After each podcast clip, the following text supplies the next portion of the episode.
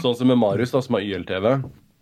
Det er så mange ganger som jeg liksom sender han en DM og bare Fuck you for at du fikk han der på podkasten. Ja, ja, Jeg har prøvd på det mange ganger. Ja, Og liksom sånn der, Den der, Jeg har hele tida lyst til å bare Åh, den der, Fordi han har gjort det så lenge, ikke sant? Ah, ja. Han har jo hatt liksom Skandinavias største hiphop- og urbanmusikkplattform siden liksom 2015. Ah, Så han har han kredibilitet. eh, Han får Ja, liksom ja, ikke sant? Og han- hundretusenvis av followers og alt okay, det det er der. ikke sant? Så han er så jævlig etablert, da. Ok. Så det er Det tar tid, da, det virker som det er det som er name of the game i podkast. Ja, Du må bare holde på, liksom. Ja.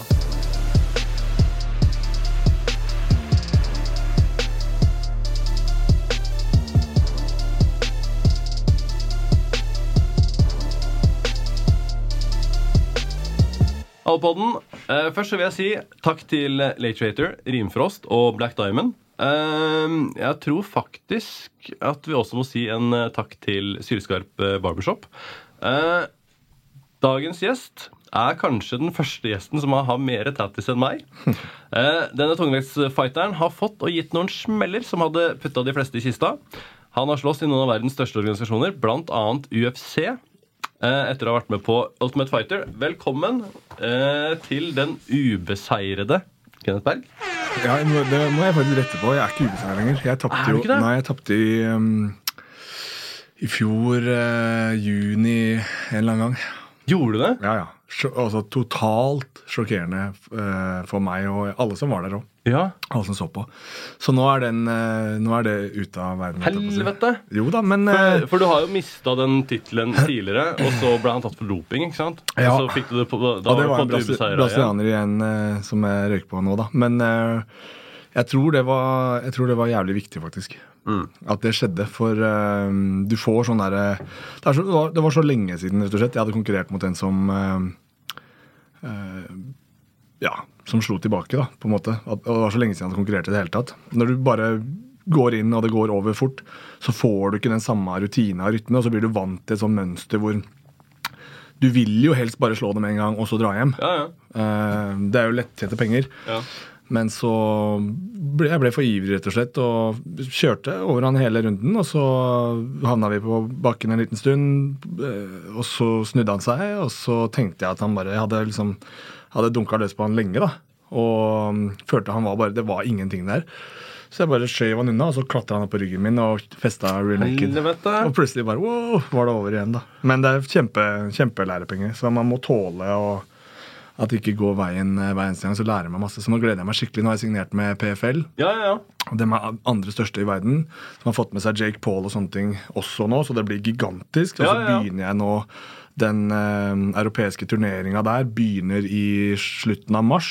Så jeg vet ikke når den her kommer ut, men Den eh, kommer ut eh, rundt om. om ikke så lenge, ja. ja, nei, vet du Den kommer ut om en eh, Den kommer ut om seks uker. Ok, ja, men det Så det så, rett eh, når den her kommer ut, så er det veldig nærme. Ja, ja. Eh, så da får jeg muligheten til å møte noen av de beste i verden, få godt betalt, og over 160 land som de sender til, så det blir svært. Damn! Det blir gøy. Ja, faen, det er heftig. Ja. Men øh, åssen er det når du øh, Når man er ubeseira, Mm. er ikke det dritstress? For du har den der hypen hele tida med å ikke få det første tapet.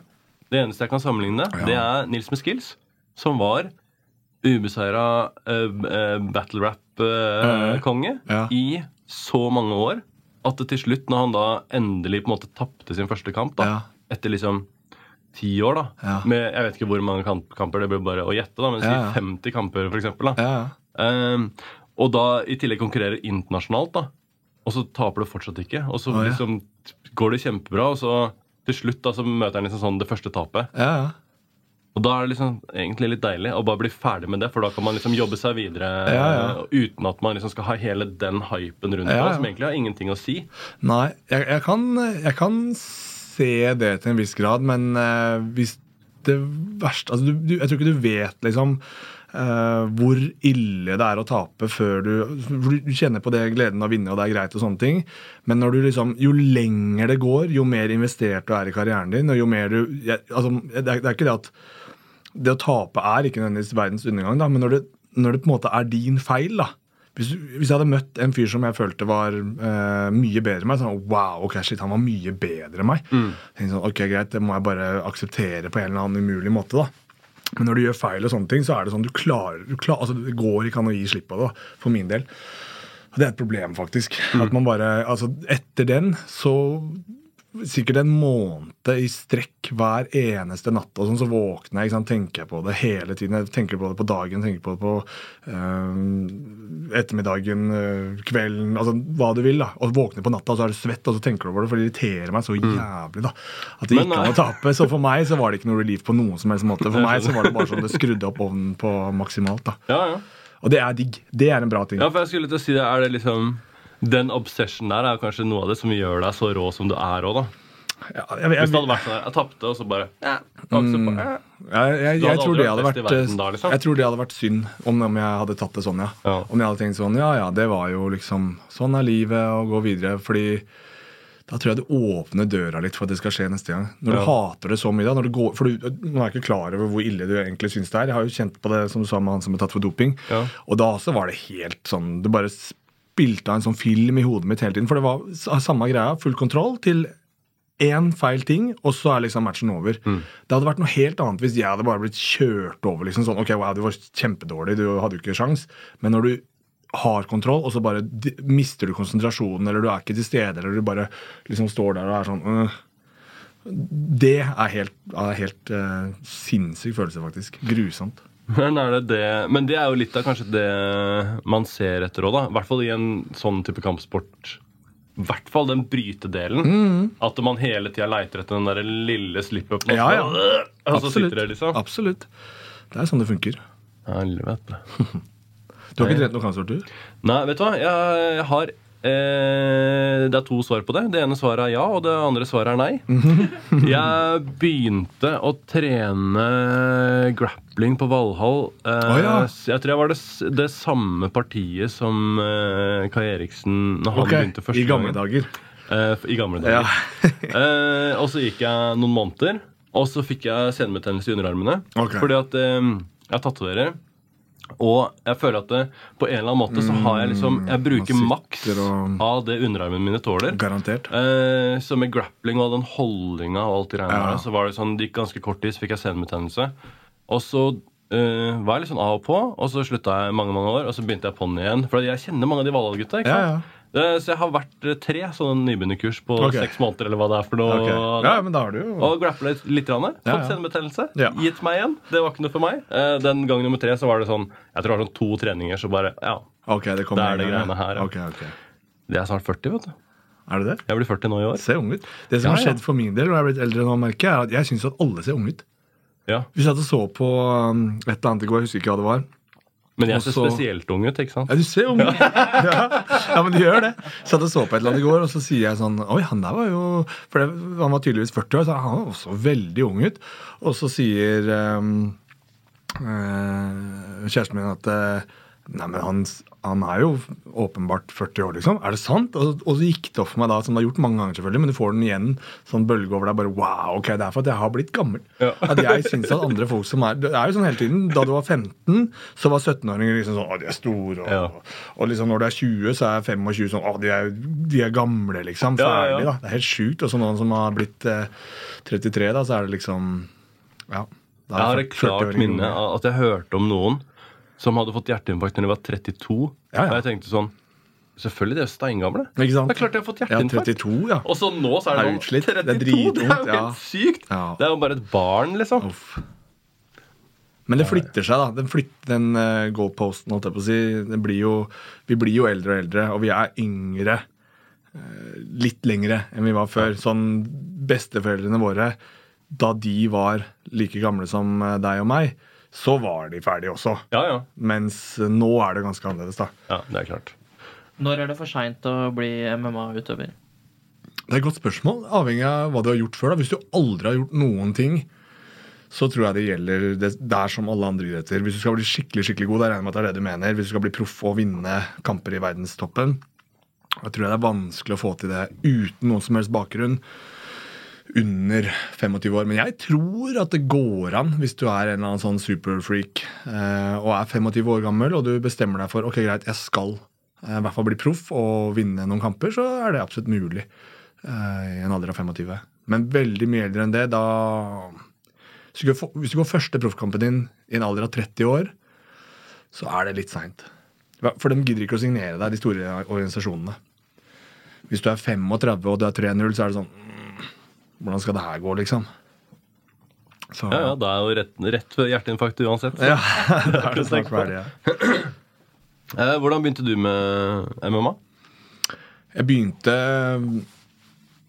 Jeg jobba for et eh, vaktselskap, faktisk. Som eh, Simeon Thoresen og Bernhard Pados de eide det. Og så var de en sånn hel gruppe, for Simeon var jo også um, i UC. Mm. Han er fra Sandefjord, er han ikke? Jo, kjempeutøver. Og de trente da på Team Hellboy, som var teamet til Joakim Hansen. Og så da jeg begynte å jobbe der, så sa de ja, bli med og trene. Og jeg hadde trent eh, thaiboksing fra jeg var sånn 13 år cirka. Og så ja, ok, tenkte jeg det kan jeg godt bli med på. Det hørtes jo gøy ut. Og så, For jeg hadde sett på MMA og sånne ting. Og så ble jeg med, og så tenkte jeg bare med en gang at oi. For det var sj- sjuke tider før. Det var ganske annerledes. Men trente du eh, da med, med og med Simeon Jeg fikk være med med på proffteamet med en gang. ja.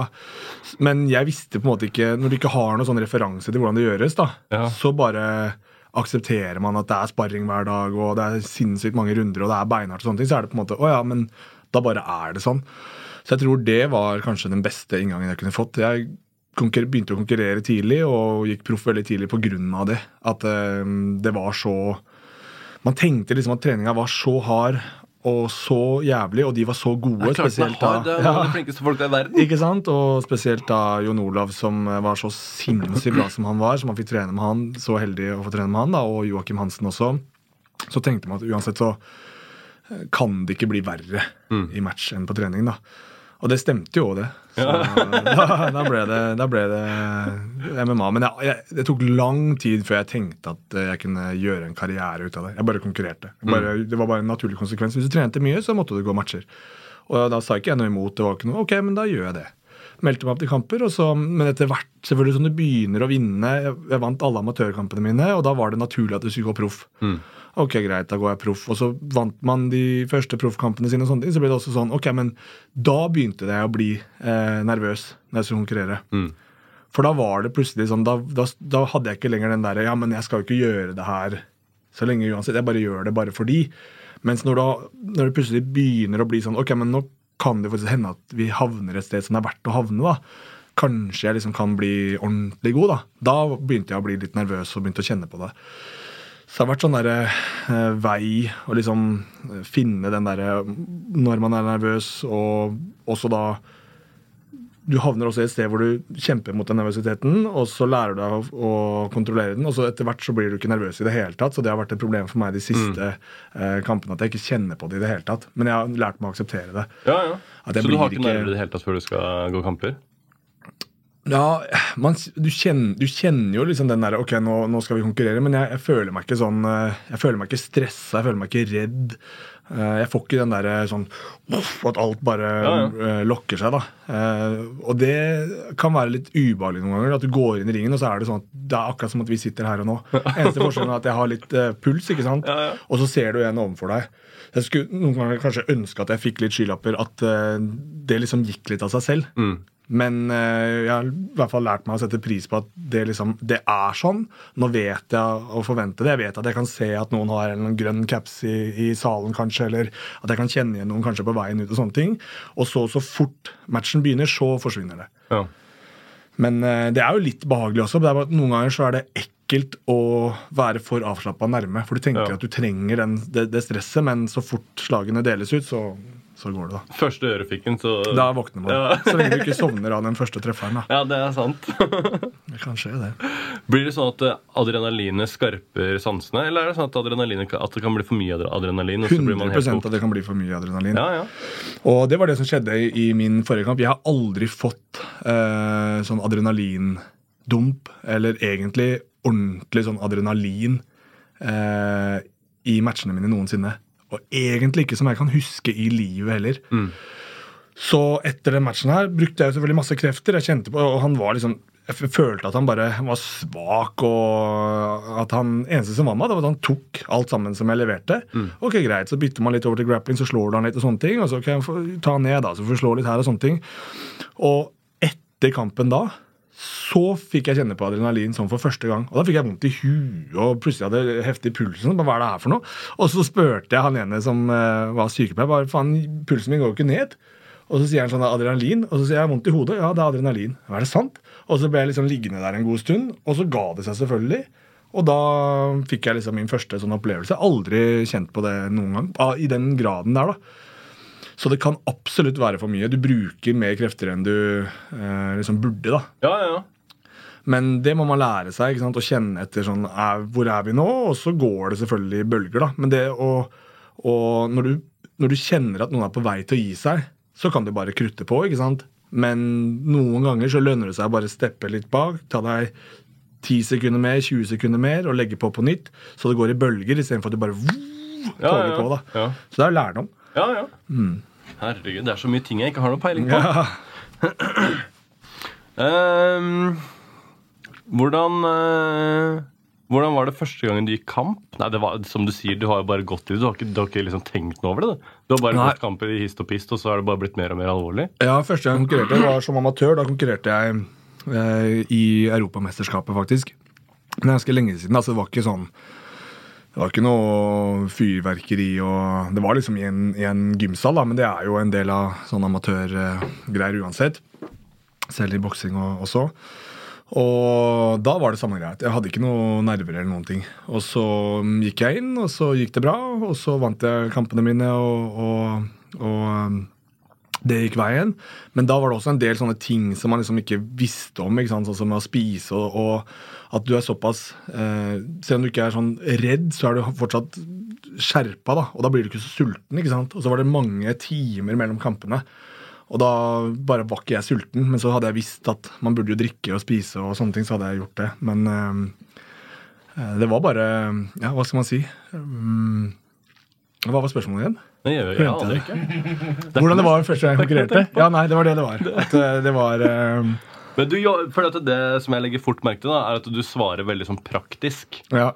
Eh, det er ikke noe sånn derre 'jeg følte ditten og datten'. Nei. Det er eh, 'jeg skjønner i ettertid at jeg burde ha spist'. Ja, ja. Og det, er bare, det er veldig sånn derre Som en maskin. Jo, jo. Dette her er sånn man skal gjøre det. Og så har jeg lært at eh, ja, hvis man tweaker det litt her, tweaker det litt der, så blir man enda råere, og det blir enda bedre. Mm. Men det handler jo om det. Man er nødt til å ha en ganske sånn eh, pragmatisk tilnærming. da. Du er nødt til å dele det opp. Du er nødt til å separere deg litt fra prosessen. da. Hvis det er for mye følelser inni det, så er det litt vanskelig å identifisere de tingene som du er nødt til å uh, identifisere da, for å, å bli Ja, bedre. Man må, man må skrive det ned. og Jeg har skrevet treningsdagbok siden jeg begynte å trene. Jeg har alle øktene mine lagt opp. Jeg har hva jeg trente, altså hvor lenge, hvem jeg trente med, alt mulig sånne ting.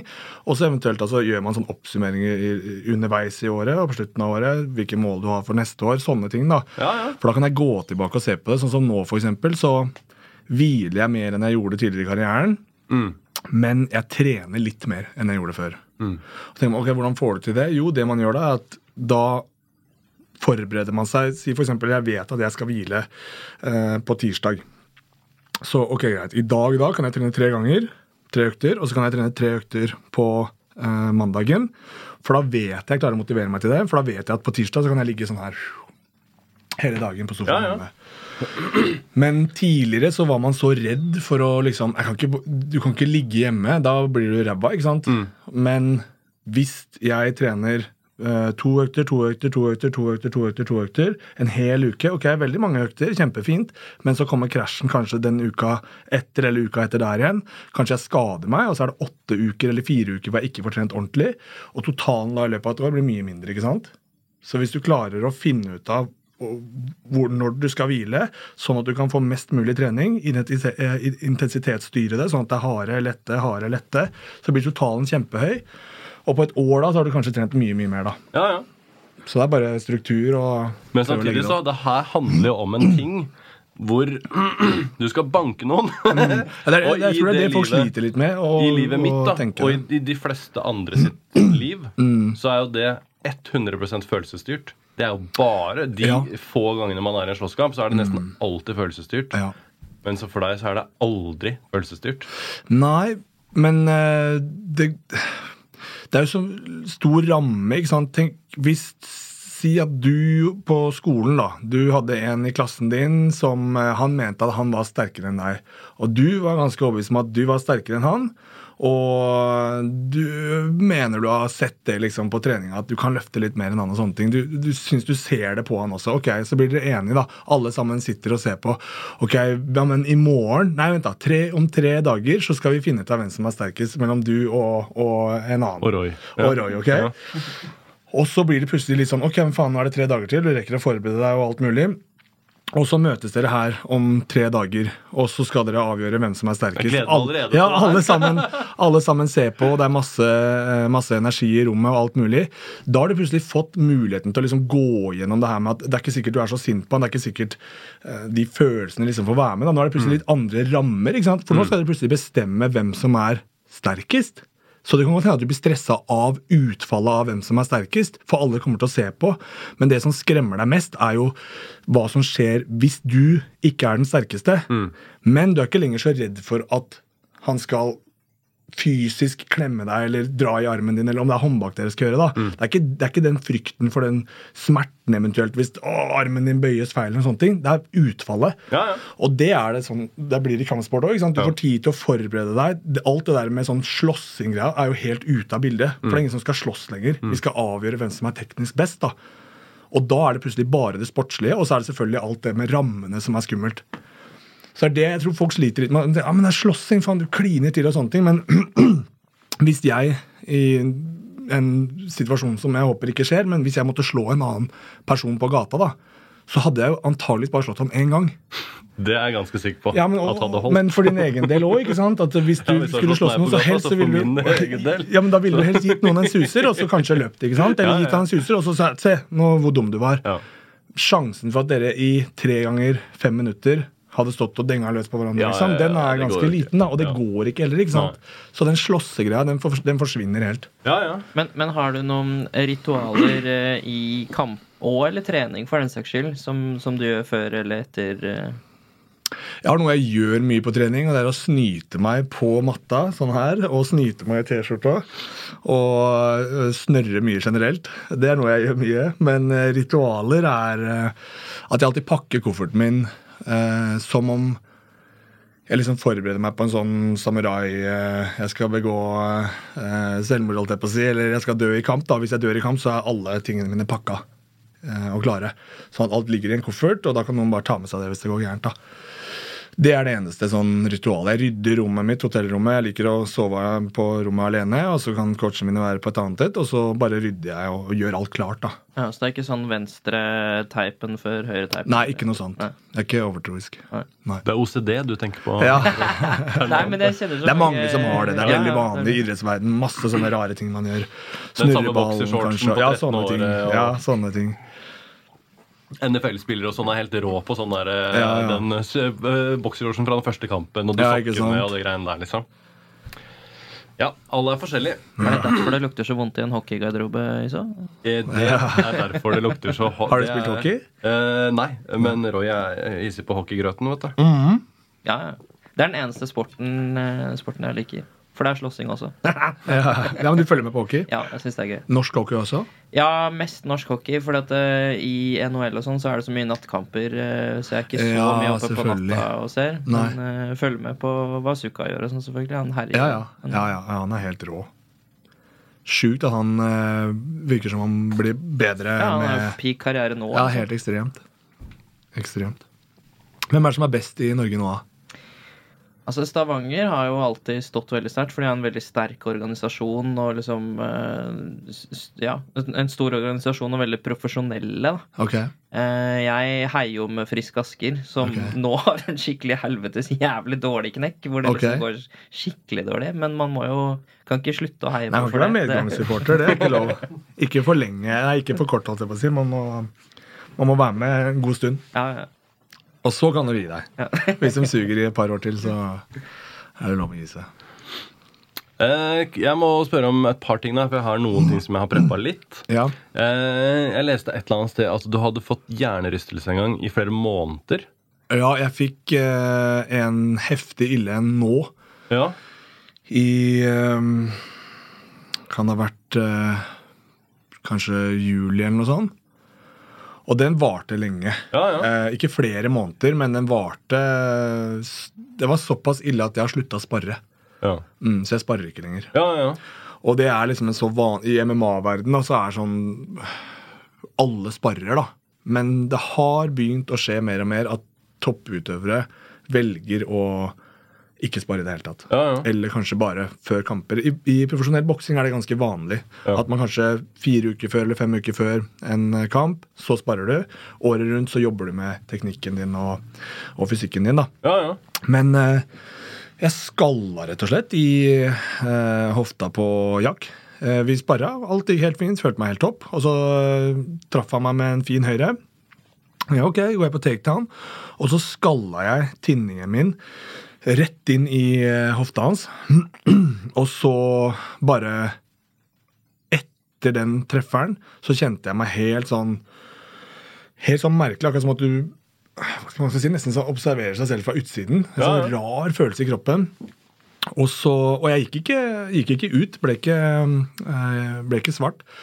Men akkurat nok til at det bare skyter gnister. Og så etter det så bare ble jeg liggende hjemme eh, på rommet egentlig en uke og bare gjorde nesten ingenting. Orka ikke, Jeg pleier å lese hver eneste dag. Orka ikke å røre en bok. Ingenting. Og det var ikke før sånn tre-fire uker etterpå at det plutselig sa sånn poff. Oh. Og så våkna jeg i morgen, og så kunne jeg liksom ta opp en bok og lese igjen. Så følte det sånn Ok, nå føler jeg meg eh, vanlig. ja, ja. Blir, blir du redd for framtida og sånn, i, i og med at du får jo jævlig mye deng, liksom? Ja, man tenker over det, men uh, jeg har slått meg til ro med at alle ting har en kostnad. 100 uh, medaljens bakside. ikke sant? Du er helt nødt til å ofre noe, og i mange tilfeller veldig veldig mye, hvis du vil oppnå noe som eh, er uh, vanskelig å oppnå. da. Og jeg har tenkt på det, og spesielt etter dem, for du føler deg så annerledes. Og det er veldig lett. Du må aldri sånn jeg ser det, du må aldri ta avgjørelser i sånn svekka eh, stadie. på en måte, I en situasjon hvor du kanskje er veldig deprimert. Så kan ikke du ta avgjørelser som kommer til å påvirke resten av livet ditt. Fordi at du er ikke helt deg selv. ikke sant? Du er nødt til å vente til nå føler jeg meg som meg selv igjen. Nå kan jeg bestemme meg for hva jeg vil gjøre. Og jeg vet at i de neste årene liksom, nå har jeg muligheten til å møte eh, topputøvere i verdensklasse. Jeg får godt betalt og synes foran hele verden i en veldig veldig stor organisasjon. Da vil jeg gjøre alt jeg kan for å etablere meg i verdenstoppen i de årene jeg kan. Og jeg er villig til å betale den prisen, da. Og så når karrieren er over, den kommer ikke til å vare til jeg er 45, ikke sant? jeg gir meg jo på et fornuftig tidspunkt, så kan jeg forhåpentligvis da ha hodet mitt intakt fordi at jeg kutta ut den sparringa og minimert liksom risikoen ellers. Og så kan jeg da starte et liv eh, som ung pensjonist da, Ja, ja. og gjøre de tingene jeg har lyst til Ja, å ja, faen, da kan du kjøre 71 grader nord og alt det Ja, der, og Ikke kose sant? deg. Er du gæren deg på 71 grader nord? Det hadde vært helt rått. Ja, ja. Du hadde bare jogga forbi alle som fuck you! Vi ses på toppen. Nei, Men det, ja. det er, alt koster noe. ikke sant? Ja, Det, ja, det det, gjelder jo for, for din del, det du driver med også. Mm. Liksom, all, uansett hva det er. da. Og hvis du vil bli skikkelig god i noe, så koster det. Tenk bare på podkasten også. Mm. Hvis, du, hvis du vil at det skal bli bra, så holder det ikke at du tar med en mikrofon og setter på eh, play, og så håper du bare at håper det blir fett i dag. liksom. Du Mm. må gjøre litt forarbeid. Du må snakke med mennesker. Du må alliere deg med folk som er flinke med kamera. Alt mulig. da.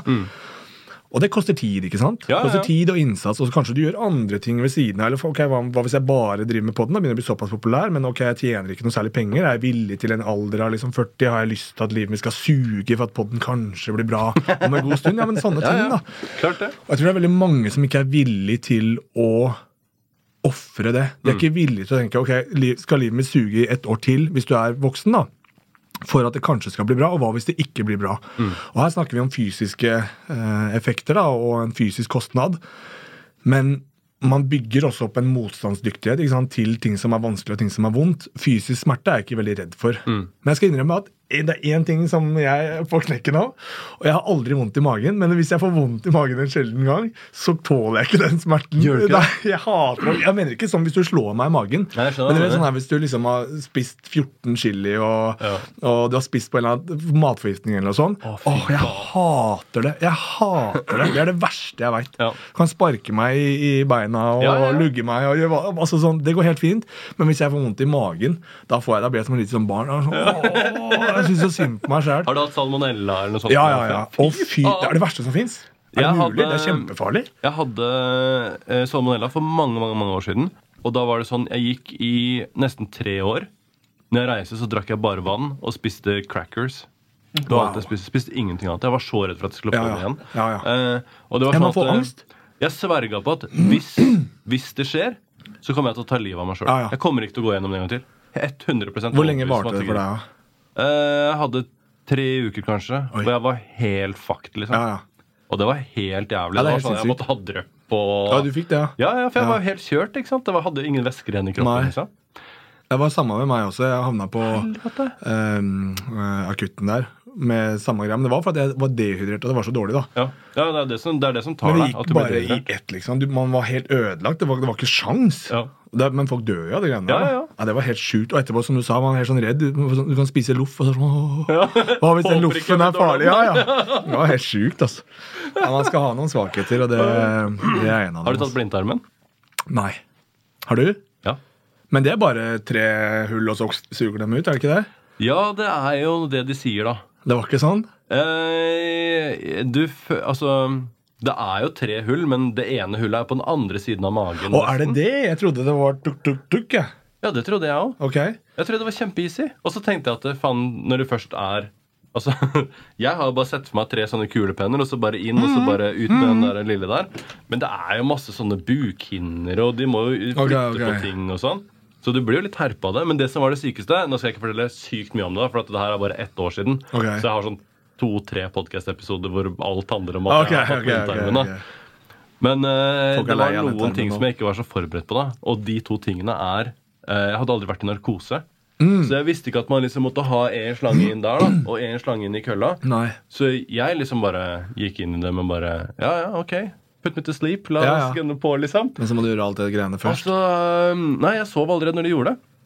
Ok. Eh, for de var eh, Jeg tror at de hadde egentlig noe på gang på sykehuset. Ja. Og så Fordi jeg bare liksom eh, Jeg var, var bare noen timer på sykehuset, ikke sant? Ja. Eh, så de var liksom veldig fort preppa. Jeg hadde bare vært der en, eh, Ja, kanskje var to timer, da, og så ble jeg operert. på, liksom. Så jeg våkna opp, og så hadde jeg jævlig vondt i halsen. Og så spurte jeg han derre uh, Endre, Endre på, uh, på oppvåkninga om jeg kunne få noe drikke. Og så tok jeg en slurk av de greiene der, og så bare brant i nedover. Og så bare Å ja, faen, det var derfor de spurte meg om, alle de, om jeg hadde noen altså. løse tenner og, og sånn. ikke sant? Og så spurte jeg han om jeg måtte gå og pisse, eller om de hadde en pisseflaske. liksom Og så ga han meg en pisseflaske. Og så når jeg begynte å pisse, så kjente jeg at det bare brant fra liksom blæra Ja, da, ja. hele veien ut kølla. liksom Og så skjønte jeg at det er derfor de spurte om jeg hadde pissa før operasjonen. ja det, det var ingen som sa til meg at de skulle putte inn alle de slangene. da. Det er jo Så- ja, det er kjemperart. dårlig, dårlig fra Eh, så da skjønte jeg jo da i ettertid da, at eh, ja, det, alle, alle disse her tinga hadde vært i meg. Så det var litt stress. Men akkurat det her når det kom til hvor herpa man var på innsida, det er på en måte mer liksom juling. Det tok lang tid å gro, og det var, liksom, Ja. det var litt stress. Jeg visste Mer ikke det. jeg Jeg, trodde, altså. det var ikke jeg klar over. Jeg trodde det var blitt så enkelt. Ja, det er jo det. Ja, Uh, men samtidig så er det fortsatt en operasjon inni ja, ja. Og så skal det jo gro, selvfølgelig, som du sier. Da. Du kan ikke samme dagen strekke deg opp og Nei, leke nei, det var litt stress. Det var, litt, sånn Det var det. ømt, da. Og så det er jo selvfølgelig sånn, Når man vet at ikke man kan hoste, og sånn, Ja, så, ja. Så, så puster man litt sånn halvt, og så, og så Nei, nå må jeg hoste! Selvfølgelig. Det er, Ja, ja. Alt det der som man ikke skal gjøre, det er det man begynner å gjøre. ja. liksom. Ja, ja. har du gjort det? Eh, velkommen til operasjonspodden. Ja. Eh, la meg Jeg må liksom race litt imellom, da, for jeg har altfor mye ting i forhold til hva vi har tid til. Oh, ja. Hvor lang tid har vi? Uh, vi har en uh, liten time og litt veksel. Det kan, okay, Dere pleier ikke å ha så veldig mye lenger enn en time. på en det kan jo veldig fort hende, da. Oh, ja. Hvordan var det når du begynte Når du ble med i det UFC-sirkuset? Var det en syk overgang? Nei, jeg signerte jo eh, Jeg konkurrerte i Ultimate Fighter. Eneste nordmann som har gjort det, for øvrig. Og så har jeg konkurrert i Dana White eh, Contender Series, og så har jeg også signert eh, med UFC i var det 2020 eller noe sånt? 2019, kanskje. Men da bomma jeg på vekta. Ja. Og da mista jeg kontrakten med de, ikke sant. Så jeg har aldri konkurrert i UFC. Jeg har konkurrert i The Ultimate Fighter, som er UFC, liksom. Og så har du Contender Series, som også liksom er UFC. Uh, men en kamp der hvor det står UFC, liksom, det har jeg ikke gjort. Men sånn med tanke på liksom hvor uh, For det er jo ganske stor forskjell på å gå en, uh, en kamp i Nord-England, da. Og så være med på det amerikanske eh, Ja, sirkuset. Men match er match, liksom. Jeg har aldri brydd meg noe særlig om alt det greiene rundt. Bortsett fra at det er jævlig kult å gå foran mange mennesker. Det er kult. Men forskjellen er at kontrakten er jævlig lang, og du har øh, Kanskje litt flere forpliktelser. Det er viktig at du faktisk fyller ut de skjemaene som du skal fylle ut. da. eh, og så får du mye bedre betalt, og så er det mye flere som ser på. Men sånn utover det så havner du jo til syvende og sist inni det buret, og så må du konkurrere mot noen andre. Og hvis du ikke legger altfor mye i alt det som er med media og sånne ting som du er med på, hvis ikke du kjøper din egen hype for mye, da, og ikke tenker sånn Oi, shit, nå sitter jeg med disse menneskene. Jeg har aldri hatt sånn hvor jeg ser en kjent person kanskje, eller en eller annen kjent eh, fighter. eller Jeg har aldri brydd meg om noe sånt. Selv ikke da jeg var liten syntes jeg det var noe fett. Jeg har aldri syntes, å, kjendis, å, det var han, og jeg har aldri brydd meg om det. Så da var det ikke noe problem for meg heller når det plutselig ble større. For det var ikke noe sånn, ok, men det er fortsatt bare folk. Det er fortsatt eh, vanlige mennesker som driver med de greiene her. Ok, det er flere kameraer og sånne ting, men det er ikke noe, det er ikke noe mer spennende, egentlig. Ja, ja. Og man merker jo egentlig litt på deg òg at du ikke ikke bygger den hypen rundt din persona heller, da. For det er veldig mange som, eh, som liksom er jeg Man skal ikke snakke det ned heller, da, for det er jo en bra egenskap at de klarer det, men det her å bygge den derre online, sosiale media-personligheten, da. Som også gjør at eh, kanskje man får litt sponsorer, og spesielt den der når man må jakte for å få de pengene, for det er vanskelig å gjøre Ja, ja. det i en 100 %-stilling, liksom. Ja. Jeg har vært veldig heldig når det kommer til eh, sponsorer og sånne ting, men som du sier det er med Jeg har ikke lyst til å konstruere noen ting, for det orker jeg ikke. ikke sant? Og jeg, har, ikke- jeg har ikke lyst til å sitte og så sier jeg én ting. Og sånn som her, Jeg er ikke redd for å si egentlig noe som helst. Du kan spørre meg om hva som helst, Ja, for jeg kommer til å være så ærlig jeg kan. Ja. Og så er ikke jeg redd for Og hvis jeg sa noe som kanskje si, eh, Om jeg bommer på alderen, alderen jeg var da broren min døde, da, Det spiller ingen rolle for meg, fordi at eh, jeg er så ærlig som jeg kan i det øyeblikket. Ja. Og så prøver jeg ikke å konstruere noe. Men hvis jeg konstruerer noe, så må jeg gå tilbake sånn Faen, hva var det jeg sa i 2020 igjen? Ja. da sa jeg det og det, og Det blir for vanskelig, ikke sant? Ja. Det blir for komplisert, og så er det ikke noe gøy for andre å høre på. Skal jeg sitte og lyve? Og det samme da det også var en stor sånn oppstuss mellom det at man var ubeseira, at det var vanskelig å få kamper og sånn. Og det var sant, det. Og det, er, det har vært sant gjennom hele karrieren min. Men det dreier seg altså veldig mye om at jeg ikke har vært i de store organisasjonene. Det er jo ingen av de i de store organisasjonene som hadde sagt nei til å møte meg. Men utenfor så spekulerer folk, ikke sant. Så da kan jeg si det når de spør meg, og være ærlig, som jeg har gjort. Eller si sånn Nei, men jeg er jævlig tøff, vet du, og da, da blir det sånn. Bare snakke tull, da. Ja, ja. Men hvis jeg hadde hørt noen si de tingene, og jeg visste at det ikke var sant, så hadde jeg tenkt at det her er jo en tulling. Mm. Så det er bedre å være ærlig og, og si ting som de er, og så får det utfallet bli som det blir. Mm. Fordi jeg er den jeg er, og da kommer jeg så langt med det som det går an. Og så får alle andre finne på historier og gjøre hva de vil. Men Det er lett fra- å forholde seg til, da. Fra vår side, da, som seere, så er, er jo vi stort sett vant til det motsatte. Mm. Vi er vant til liksom amerikanere som eh, Ja, det, Ja, noen gjør de det. smører på litt gjør frukt eh, mange da. Og irene kan gjøre det. Og... Dem kan gjøre det. Men han har jo også gjort det veldig bra, da. 100% Han kom veldig langt med de greiene der. Man kan si hva man vil, men han ligger på en Lamborghini Yacht der nede Mm. Ja, ja. i Canada, han og kuleren. Ikke tenk på det. Absolutt, men samtidig da, så Jeg tror du altså Han har feeda veldig på den positive backinga han har hatt. Men når den blir litt negativ, eller i hvert fall si at du kanskje da havner på en sånn 70-30-balanse, da, med 70% positiv og 30% negativ, da blir det kanskje litt sånn at faen, du føler at hele verden er mot deg. da. Og hvis du hele tiden har følt at du har alle i ryggen, men så mange har snudd ryggen til deg, så tror jeg det er tøft. Og da spiller det ingen rolle om du har yacht og det ene og det andre. Og det virker jo som han også finner på mye rart ellers. da. Tar seg en nese i ny og ne og drikker kanskje litt mer enn han burde. da. Det kan se litt sånn ut. Det kan se litt sånn ut. og... Det kan se ut som det blir litt treningscornflakes om da nå, For han er ganske brei i fjeset. Det også. Og da spiller det liksom ingen rolle om hvor mye penger du har. Altså så om, om jeg etter karrieren jeg, jeg vil jo gjerne sitte igjen med eh, så mye som mulig. Men hvis jeg kan velge mellom veldig mye penger og at jeg har funnet på masse dritt, og folk syns at jeg er en dritt, Ja, ja. eller at jeg er meg selv, og så får det heller gå i den balansen som det går, om folk liker meg eller ikke, men jeg har halvparten så mye penger, eller en tredjedel av det, så vil jeg mye eller ha mindre penger og, ja, ja. og være meg selv, da. Og det er, man kan også si, hvis vi skal være djevelens advokat på det, du kan også si at det er litt feit. ok, Bare tør å se hva som skjer hvis du eh, krutter på og snakker masse dritt og sånne ting. For det kan jo, du kan jo få mer penger og, og sponsorer og sånne ting, liksom, men eh, da må man jo ta en samtale med seg selv og se hva, hva er det du vil, liksom. Hva er det du vil ha ut av karrieren din, hva er det du vil ha ut av livet ditt. Så må man ta det valget, da. ja, Du må jo fort spise orda dine da, hvis du går jævlig høyt ut, Selvfølgelig. liksom. Men det også er litt tøft. da, man, Du tør å si at du skal knocke han i første runde. Si at han er ræva. Si at alle andre er ræva. Si masse stygge ting om eh, motstanderen din, hva som helst. da. Så setter du lista veldig høyt, men hvis du bare liksom ja, Vi får se åssen det går, og det er gøy og greier. Og... Hvis du er sånn, ikke sant, og så er det sånn ja, du tapte, ja, ja, men jeg er ikke helt sikker på om jeg skal ville i i forkant. Så er det sånn, ok, men da, da kjøper du deg den outen der, ikke sant? Jo, jo, men hvis du har en stor kontrast, da. Hvis du er en sleeper, som man kaller det i enkelte miljøer, sånn at du er jævlig ydmyk og snill og ser nesten litt sjenert ut og sånn, men du er den sykeste motherfuckeren i ringen, liksom. Ja, det, det- er en det- kul kontrast, det òg, liksom. Absolutt. Og det er jo I sosiale medier Det er min favoritt sånn TikTok fighter-klipp. Ja. Det er innveiinga med en eller annen som er jævlig svær i kjeften, og så kryssklipper de med han når han får Ja, ja. skikkelig deng etterpå.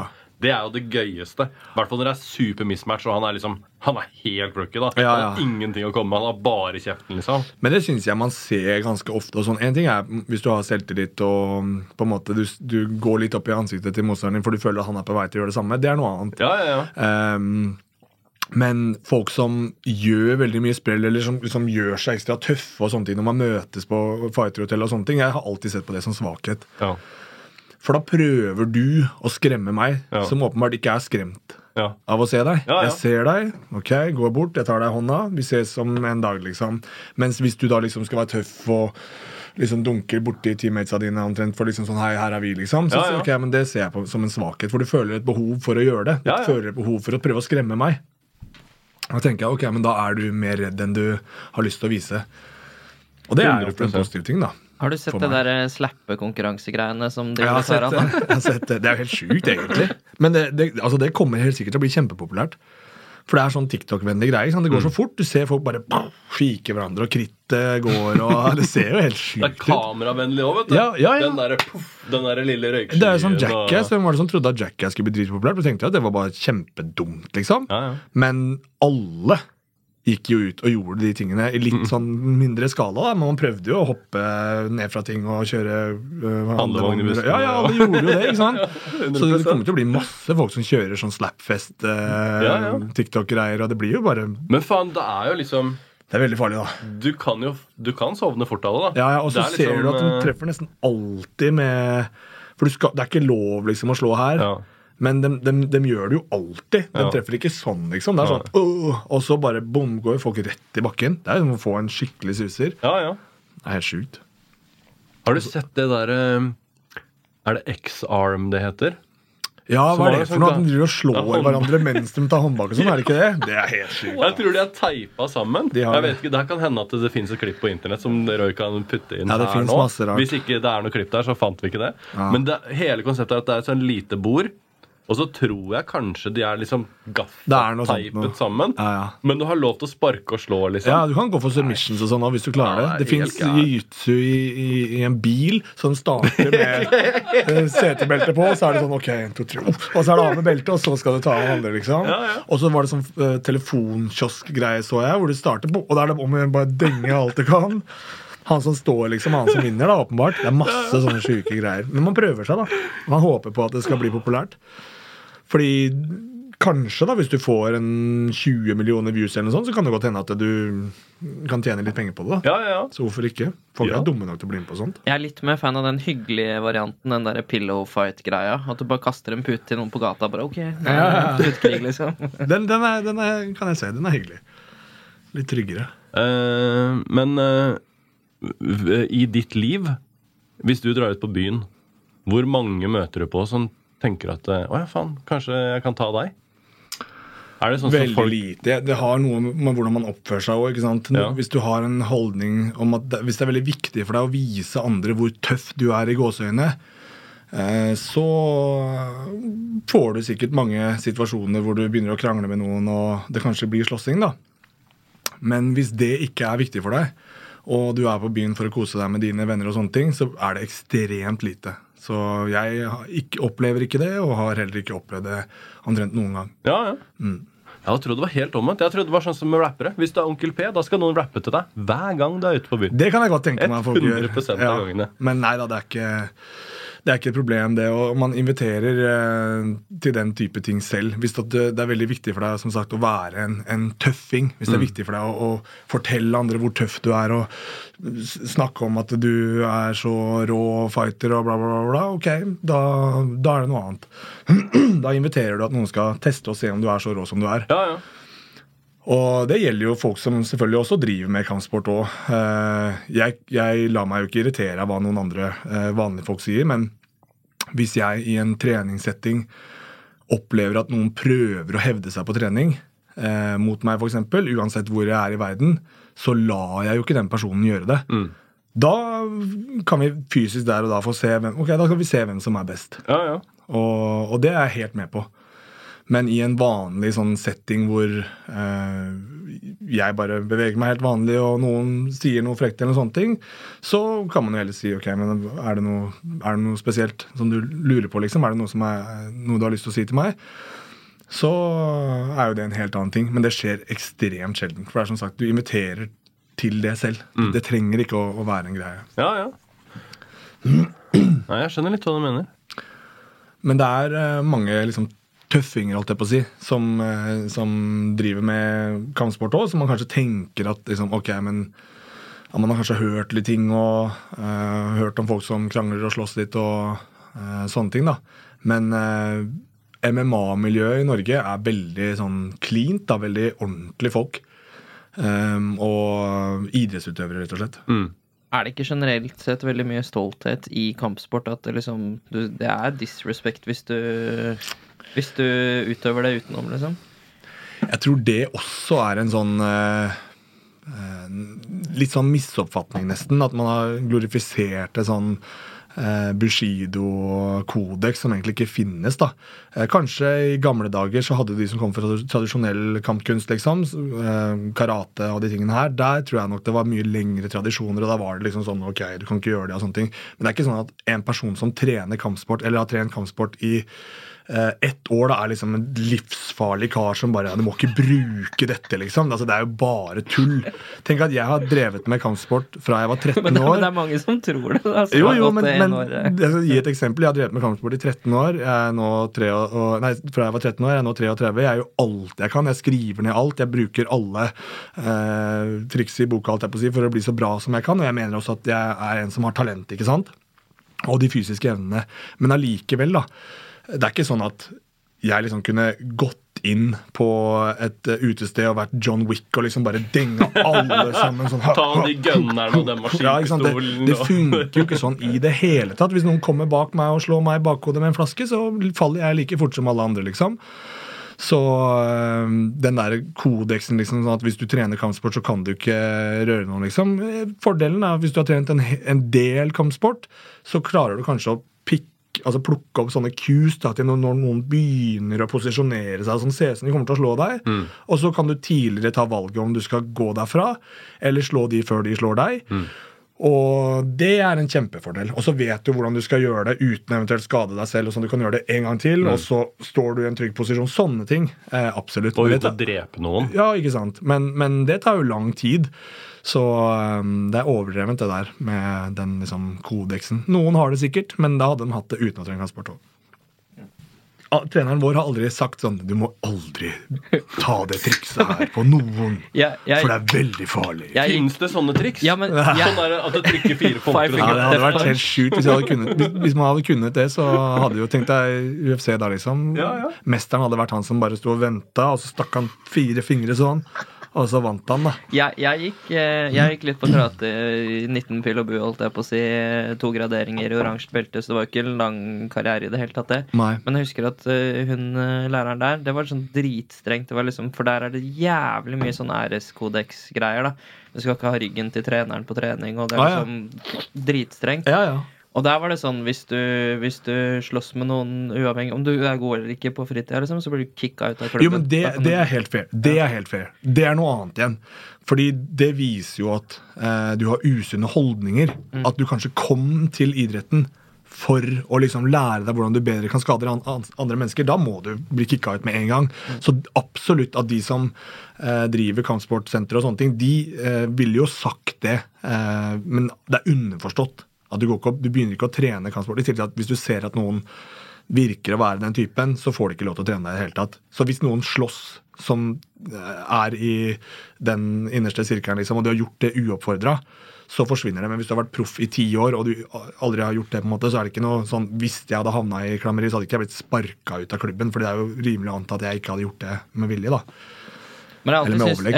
Ikke gått i 20 år og venta på den Sånn, dagen. nå, er, nå er jeg god nok. Nå kan jeg slåss. Nå, Men jeg har alltid syntes liksom. det har vært et morsomt bilde. da For at altså, sånn MMA og sånn gir på en måte en sånn slags litt mer realistisk eh, Mm. slåsskamperfaring enn altså Karate er jævlig mye katar og sånn. Skal du stå og gå og liksom gjøre Ja. sånne jævlig rare knep for å Jo da, men, men, men eh, koordinasjon og det å trene struktur, det å trene også et system og, og eh, liksom steg og sånne ting er veldig verdifullt. Lære seg å gjenkjenne mønstre. og- Så det er, ikke noe, det er ikke noe galt med det i det hele tatt. I tillegg til at det å ha litt rammer, det å ha eh, ting som du skal følge, det er ikke lov å snu ryggen. Det er helt ok. Eneste problemet mitt med det er at det er veldig vanlig at treneren blir en slags sånn semigud, ikke sant? som er sånn Ingen kan slå han, han er den villeste. Alt han sier, er good. da.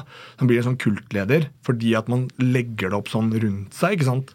At du veit alt, her kommer dere og ikke veit noen ting. Nå skal jeg vise dere hvordan dere dreper folk med tre eh, fingre, liksom. Og så blir folk bare helt sånn oh, Mens i MMA er det ikke sånn i det hele tatt. For der er det sånn at du må hele tiden finne på hva er det som er mest effektivt for å eh, rett og slett overmanne da, en annen person. Hvordan kan jeg treffe han mer enn han treffer meg? Og hvordan kan jeg forhindre han i å kontrollere meg? Og være først ute så jeg kan kontrollere han. Så hvis det viser seg at en ting fungerer bra, sånn som f.eks. Uh, leggspark, har liksom mm, fått skikkelig vinden, og så plutselig viser det seg at noen annen plutselig har du sånn Ok, nå, nå bryter vi masse inntil buret, nå er det ikke så populært lenger med eh, og, å ta noen ned og holde dem på flat mark. altså Alt mulig sånne ting. Det, det, forandrer seg hele tiden. da, Og det gjør at man hele tiden er åpen for nye ideer. Og da får heller ikke treneren en sånn derre kultstatus hvor han liksom, han veit alt. Vi gjør det sånn! That's it. For da blir han sånn Ja, men jeg så jo at han fyren gjorde det, og da eh, tapte han, liksom. Så er sånn, ja, det stemmer. Ok, vi la oss prøve noe annet. Det blir sånn, da. Så det liker jeg veldig godt med MMA. Det er veldig eh, innovativt. Man er helt avhengig av å hele tiden finne på nye ting, Eller så, så er du stuck, da. Det er sånn ny sport. Så det er bare Ja, ja. Men så, ja, sånn er det i tattoobransjen òg. Hvis, Ja, du har- hvis du har vært tatovør i 30 år, Mm. så eh, i mange liksom Hvis du har vært snekker i 30 år, så bare ok, han har dritpeil. Hvis du har vært tatovør i 30 år, så det kan vippe begge veier. Mm. For det kan hende at det du er helt rå på, det er det som skjedde i 1997. Mm. Og det er liksom ikke Det er ikke sikkert det er så aktuelt. Så det kommer an på hvor mye man oppdaterer seg, hvor mye man utfordrer seg og sånn. Ja, ja. På samme måte som at hvis du blir lært opp av en som har holdt på i 30-35 år, Mm. så spørs det litt sånn Er det du lærer, er det kjempegammelt, eller er det, er det der oppe? Ofte så ser jeg når jeg er rundt på så store messer rundt i Europa, og sånn, så ser jeg liksom kids som har holdt på i to-tre år. Og de er, er helt helt, ville, liksom. Ja, ja. Funnet på sin egen teknikk, helt- lager egne maskiner. Ja. Ah, ja. Og de har helt annen bagasje.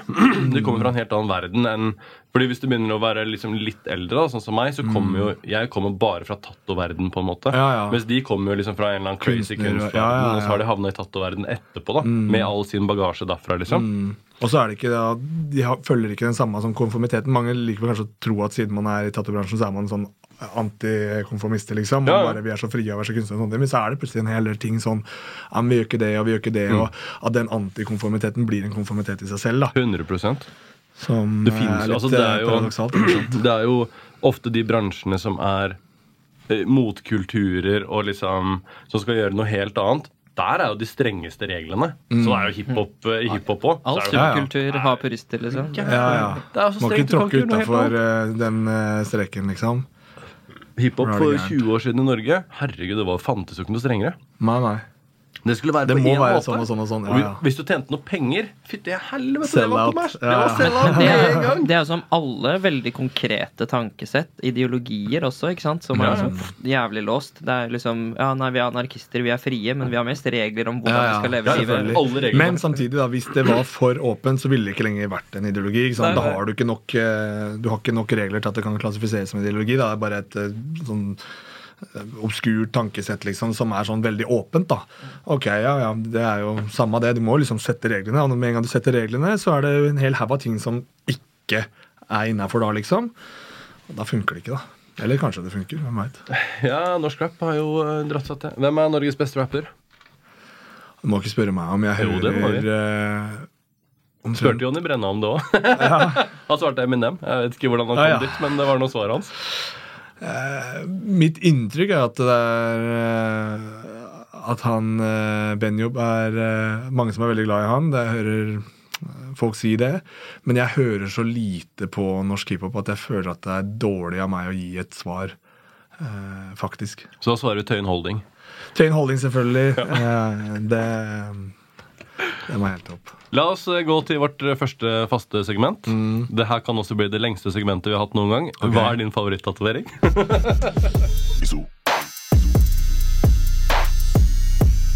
Hva er din favorittatovering? Oh, ingen av dem, faktisk. Serr? Jeg driver jo og fjerner dem nå.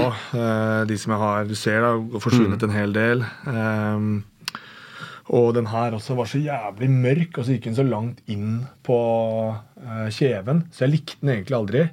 Og så tenkte jeg kan jeg ikke bare fjerne den med laser. Men ehm, det ble bare en sånn der besettelse. Jeg så på eh, Blood In, Blood Out og eh, fikk en sånn fascinasjon for den East LA Chicano-kulturen. Ja, ja. liksom. Tidlig hørte på Cypress Hill og han Freddy, som er han tatovøren i Blood In Blood Out, har vært på podkasten tidligere. Er det sant? faktisk. Ja. Ja. Kult. Men eh, da ser man de gutta, eh, samme som han eh, Chewie, jeg vet ikke om du har sett han, men noen av de, gamle gutta, liksom, ja, liksom. Ja, ja. som har bodysuit og hodet tatovert og sånne ting.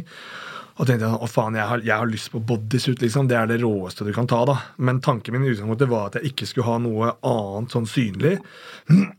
og så begynner du liksom med noe, og så tenker du bare ok, du vil jobbe deg gjennom, da. Så ble det 50-50 chicano og eh, japansk, og så har jeg gjort alt hos eh, samme fyr. Men jeg har ingen sånn som jeg liksom bryr meg noe om, hvis du skjønner. Fordi det er lenge, lenge, lenge lenge siden, kanskje sånn en fjerdedel inn i prosessen, så var det sånn åh, jeg har ikke lyst til å tatovere meg lenger. Og så, ja, men så er det liksom Du har bokstavelig talt malt deg opp et hjørne. Da. Hva skal du gjøre nå, liksom? Du må gunne på. Ja, nå har du malt eh, holdt jeg på å si, så mye at nå er det bare noe, men du blir ferdig med greia. Så Ja, ja. Du sitter og og så er det så kjedelig. Du sitter i Min maksgrense er to timer. Du Ja. Bare glemme at jeg sitter Nå er det mange år siden jeg har tatovert, da, men eh, det, det er bare å glemme at jeg sitter med en to timer. Bare å glemme, for det er så dritt. Du kommer fra en trening og skal sitte der og ha vondt i to timer og bli sur, og så skal du dra hjem og sove, og så skal du dra og trene igjen, liksom. Og så healer det dårlig fordi du trener hele tida. Ja, ikke sant? Og så får du infeksjoner og For du ligger på den matta som du snørrer på. Så, ja, Ja, det er akkurat bra det. kombo, det. Nei, uff. Hvem er det som har gjort tatoveringene dine? PP heter han. PP Martinez. Han oh, ja. driver på Electric East Ja, ja, på um, eh, Grünerløkka. Mm. Mm. Så eh, han er kjempe Og det ser jeg jo nå også når jeg eh, fjerner. Jeg hadde jo før i ansiktet også, sånn som deg, eh, og en til. Og de er jo helt borte nå. Ja. Eh, og um, samme hadde også uh, tann her, altså Ja, hjerna. Det syns jeg heller ikke. Og siden han hadde vært så lett på hånda, så bare forsvinner det med en gang med laseren. Det er fordel. ja, ja. Så ikke man uh, Altså, det går an å ta det bort. da Det er ikke sånn at jeg liksom sitter hjemme og griner og jeg skal ikke det tatoveringer. Men, men altså Det er på samme måte som man tok det for en grunn, så får man lyst til å liksom ta det bort. også. nå vil jeg bare liksom Hvis jeg står på bussen for eksempel, og har fjerna alt, så er jeg bare en hvem som helst i mengden, liksom. At man Ja. ikke stikker seg ut alltid, da. ja, ja. Det er litt digg, egentlig. Å kunne være bare regular. Ja, ja. Det her var akkurat det samme han Jonas sa, han andre fighteren. Akkurat samme. Han holdt på å fjerne alle tatoveringene på hendene og Mm. Ja, ja, hvorfor ikke? For han vil ikke stikke seg ut. Nei. Og det er litt, litt, da, men, eh, Hvis man gjør ting som er litt annerledes sånn nå, da, hvis man eh, Spesielt hvis man driver med sånn uh, Sånn bare knuckle og sånne ting som er litt ekstremt, ikke sant, så vil du ikke legge på ekstra eh, å være enda mer ekstrem i tillegg. Du føler at du liksom er en sånn nesten sånn sirkushest. da. Du vil bare være eh, Og det er jeg alltid vært tydelig på eh, hele karrieren. egentlig. Hvis jeg har fått eh, forespørsel av journalister sånn, ja, 'Kan ikke du ta deg til bare Så har jeg sagt nei, jeg kan ikke det. Mm. Fordi det er ikke liksom Jeg skal ikke være sånn sirkushest. Ja, jeg har tatoveringer, men det er ikke meg. Mm. Det er ikke sånn Og dette betyr denne betyr at jeg er sånn og sånn, liksom. Og det er bare tull, ikke sant? Det er bare tull. Man har liksom tatt tatoveringer, that's it, og sånn er det bare. Man er en vanlig fyr ellers, da. Men folk vil eh, fyre opp under sånne ting, ikke Ja, selvfølgelig. selvfølgelig. Altså, det er jo en grunn til at hvis du går liksom 150 år eller 100 år tilbake i tid, så var jo tatoverte mannen det var jo samme bearded lady og Ja, ikke han sant? tjukke mannen sant? på det. sirkuset, liksom. Ja, det var en del av freakshows at de hadde folk som var tatoverte, da. Ja, ja. Det er sprøtt. Men det, da var det jo ingen som hadde tatovering heller, da. Bare sjømenn. Ja, det spørs jo. Det er en del sånn stammekulturer og sånn. Hvis du går ordentlig langt tilbake, så er det jo, Jeg tenker kommer på det jo sånne generelle vestlige perioder. da. befolkningen, da. Ja, ja. Mitt neste eksempel er jo det at de fant han der gubben oppi en isbreen i, i Nepal som var sånn Han 4000 Itsu eller Isu, eller hva han het? Ja, Nei. Ut- Utsi, tror jeg han heter. Utsi, ja. Han har sånn 30-40 tatoveringer. Masse greier. Ja, ja. Noe skrift på knokene. Ja, ja. Sto sikkert uh, ISO ACAB eller noe det ja. oh, jeg har også tatt litt laser. Jeg liker ikke laser. Jeg, Det syns jeg var vondt. jeg synes det er et helvete. Ja, men det går veldig fort, da. Det går mye Ja, er fortere enn å tatovere seg. Det er klart. Det tar liksom noen sekunder fremfor timevis, da. Ja, ja. Uff a meg. Det blir på mye penger jeg skal ha for å tatovere hele kroppen min på nytt. Uh, jeg, jeg Hvis jeg kunne velge nå, eh, så hadde jeg bare aldri begynt. Nei. Tatt ingen tatoveringer. Nei. Ehm, fordi Dette jeg- skal jeg legge ut som reklame for eh, studioet ditt. Ja, gjør det. Gjør det. Jo, men det er noe med at eh, For det første, da, så du blir jo eh, Altså um, Fordi jeg kan ikke bare gjøre ting vanlig. Hadde jeg kunnet bare ha liksom tre tatoveringer, og det var Ja, ja. greit, så hadde det vært én ting. Men det er det her at jeg må liksom dekke alt, og det er så jævlig mye jobb, og det er Ja, ja. så kjipt. Og du blir liksom Du kommer aldri til å bli ferdig heller, for når alt er ferdig, så må du begynne å fikse på en masse gamle Ja, ting. og sånn Så det stopper aldri. Prosessen er aldri over. Så um, jeg vil jo heller bare aldri ha starta. Ja, men da hadde du ikke visst det du da. vet nå, da. Nei, jeg vet Så det går liksom ikke an. Du Du kan ikke få eh, i pose og sekk. Men, men jeg liker ideen liksom om Si hvis alt det her er borte, da. Ingenting av det som er synlig, eh, er der. Så har du muligheten til å bare ha på deg vanlig skjorte, så er det sånn ok, ingen som vet. Mm. Men så fort du da liksom er i svømmehallen eller sånne ting, så er det liksom sånn Å ja, ok, så man har hele kroppen tatovert, liksom. Mm. Men det, det, det, det synes ikke ellers. Det er helt topp. Men når du ikke har muligheten til liksom Det er litt som at du hver gang du gikk ut av huset ditt, så er det sånn Du må ta på deg den smokingen her, liksom. Mm. Du må gå med den. Og så bare, ah, men jeg er drittlei av den smokingen. Nei, men du, du må. Og så bare, ok, på med den da. Og så er det alle, og det er han karen i smoking, liksom. Alltid. Da er det digg å kunne ikke ha på seg den, da. Og slippe å kanskje bli forhåndsdømt, da. Selvfølgelig. Um, Men det er mindre og mindre av det. Men det er klart at man plasserer jo folk uh, i bås. Du, det er jo sånn vi funker. Du gjør jo det. mm. Sånn er det bare. Ja, ja, og så prater man med hverandre. Og så, ja, også men- folk som ser ut som meg, er jeg et bås òg, jeg. Ja, selvfølgelig gjør man det. Han er sikkert sånn der. der Ja, ja, ja, og så bare Nei, faen, han er visst ikke det, han heller. Da. Det er typisk, det. Men det, er liksom, det var sånn på vei til studio i dag, Ja. så gikk jeg forbi ei jente rett, rett her borte, liksom. Som jeg liksom så når jeg var sånn ti meter unna, så så jeg hun liksom bare tok den der veska ordentlig på skuldra bare holdt Eh? den. Den derre stereotypiske sånn Ja, ja. Se på han der. Og jeg kan på en måte forstå det òg, liksom. Ja. Men uh, Ja da. du Det, har lyst til, å- da, da har man lyst til å bare liksom si sånn Slapp helt av. Ja, Men det er jo det verste. ikke- Ikke vær redd for meg. Ikke vær redd for meg. Men er ikke det litt digg av å aldri bli rana og, og sånn? Jo, men jeg har aldri Sånn, blitt rana. Nei, det har ikke jeg heller. Nei, det er akkurat det. Det er ikke så vanlig å bli det, da. Nei. Jeg Men jeg har jo vært i ekstremt mange steder og situasjoner som jeg kanskje burde ha blitt rana. Ah, ja. Men eh, nei, jeg har ikke det. Men jeg har ja, jeg vet, Det har jeg ikke tenkt så mye på. Men ja, nei, jeg har ikke det. Men Det har det- vært en del taxier, da. Hvor at det Hvor du har blitt rana? hvor at du sier Jeg, jeg hadde én taxisjåfør i Roma en gang som eh, Det er alltid dårlig tegn hvis taxisjåføren har Rolex. Ja. Man veit at han er, han er smartere enn deg. Ja. Og så skulle jeg fra, fra hotellet også til messehallen. Og så hadde For det første så var det sånn fjerde året jeg jobba, jobba der. Og bodde okay. på det samme hotellet. For det er liksom der hvor messehallen er, så er det ikke så veldig mange hotell. Eh, så jeg hadde liksom kjørt den veien, da. Eh, 25 ganger kanskje, Okay. liksom. Og så kommer det en taxisjåfør som bare Ja, det er bort her i dag. Ah, ja, den veien, vei lange nå, ja. ikke sant? Ja. Ehm, og så sa, sa jeg ganske kjapt sånn eh, Ikke sant? Ja, Det er her jeg har vært her mange du, ganger. ja, Ja, ja. alt det der. Da snakka han ikke engelsk lenger. Nei. Men du får jo på en måte formidla budskapet Ja, ja. på en måte for det. da Og, og, og liksom Hvis man liksom uh, Når ikke du hører og du liksom Hei! Nå, da, oi, ja, ok, ja, Og så er man plutselig på rett vei igjen. Ja, ja. Eh, og når vi kom fram da, så ga jeg henne en seddel. Og så, Jeg husker ikke hva det var han skulle egentlig ha. Det var snakk om småpenger uansett. Jeg husker ikke hva han egentlig skulle ha, men når han ga meg vekselet mitt, så var det bare en fucking sånn der onkel Skrue sånn der pose nesten med mynter. Ah, ja. ikke sant? Og liksom, jeg bare ok, ja, ok, ha det. Og så Ja. bare begynte jeg å telle over, så var det bare sånn tjafs. ikke sant? Det var Ja, ja. bare pennis. Det var bare, alle var brune. Ja, liksom, Det var bare kobber, alt sammen. Luring, da. Så um, jeg catcha han et par ganger, men han lurte meg til slutt. Ja, ja. Så Det Sånn kan skje den beste, det. hvis du setter deg en taxi et eller annet sted, og taxisjåføren har Rolex, bare stopp bilen. Ja. og gå ut. Det er ikke noe vits. Bare gå ut. Du kommer, du kommer til å bli lurt. Ja. Ok, La oss uh, mate på med vårt andre faste segment. Uh, fortell om en gang du holdt på å dø. Bro, jeg holdt på å daue. Er det isopoden? Jeg hører på den. Fortell om en gang som du holdt på å dø. Og det kan ikke være hver dag på trening. Nei, jeg har ikke noe, jeg har ikke noe sånt, altså. Ikke i det hele tatt. Har du ikke det? Nei. Ikke som jeg Det er kan sikkert for at du aldri har hatt problemer med blindtarmen. Nei. Det er det. Nei, jeg har ikke noe, jeg har ikke noe nær døden-opplevelse, jeg, altså. Det trenger ikke det, For det første så er det et segment som er sånn Ofte så angrer jeg litt på at vi har det. Jeg vet ikke hvorfor vi har det. Nei. Men eh, for noen ganger så kommer folk med litt sånn triste historier. Og så og Ja, det kan jeg tenke meg. Ja, jeg hadde kreft og Ja.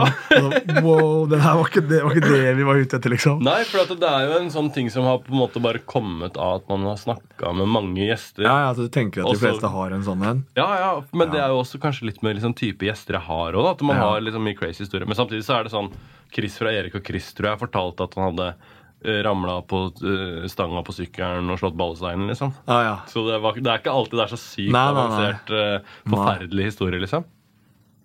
Men vi gjør det her isteden. Uh, Roy, fortell om en gang du holdt på å dø.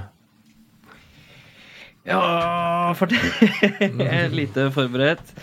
Um, ja, jeg, jo da, jo da, jeg har den. Jeg har den. Ehm, jeg er litt usikker på om jeg egentlig har fortalt om uh, sparkesykkelstoryen på poden. Det kan ikke være at du slår ballstein. Nei, nei, men uh, jeg uh, har jo skada meg. Jeg har tilført uh, statistikken Jeg er en av statistikken når det gjelder sånn Voi. Elsparkesykkel Ja.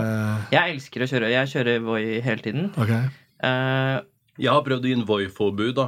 For han er jo så reckless i trafikken. Ja, du kjører villmannkjøring? Nei, jeg gjør ikke det. Men det triste med historien er at da jeg skada meg, så var det Det var ikke på fylla. Det var ikke på nattestid. Det var liksom på dagtid på en søndag. Okay. Eh, ikke høy fart. Det var bare så maks uflaks som det går an å ha. Eh, I Lillestrøm skal liksom stoppe og hoppe inn i bilen fordi at vi hadde vært på noe varemestegreier. Og så henger Jeg liksom er i steget til å gå av sparkesykkelen Okay. så henger gassen seg opp, så den får et sånn gasspådrag. Sånn, vroom. og da fyker sparkesykkelen til høyre. Jeg fyker til venstre med skulderen opp sånn.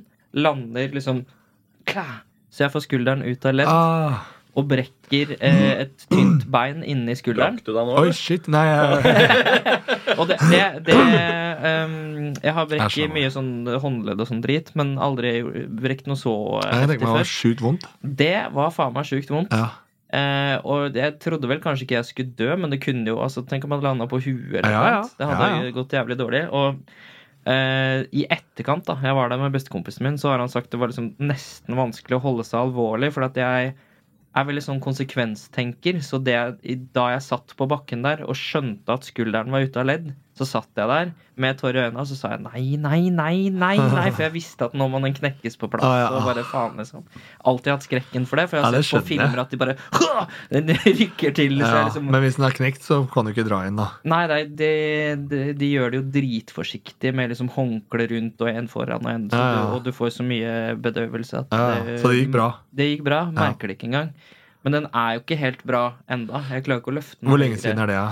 Ett år og to måneder. Å, det er såpass, ja. Ja. Så det kan hende at den aldri blir helt uh, good igjen, da. Nei, Det er litt min egen skyld òg, for at jeg søkte opp eh, en av Norges beste fysioterapeuter gjennom hockeymiljøet. Ja. Så han hadde peiling på skuldre og Men sånn. du brydde deg ikke om det han sa?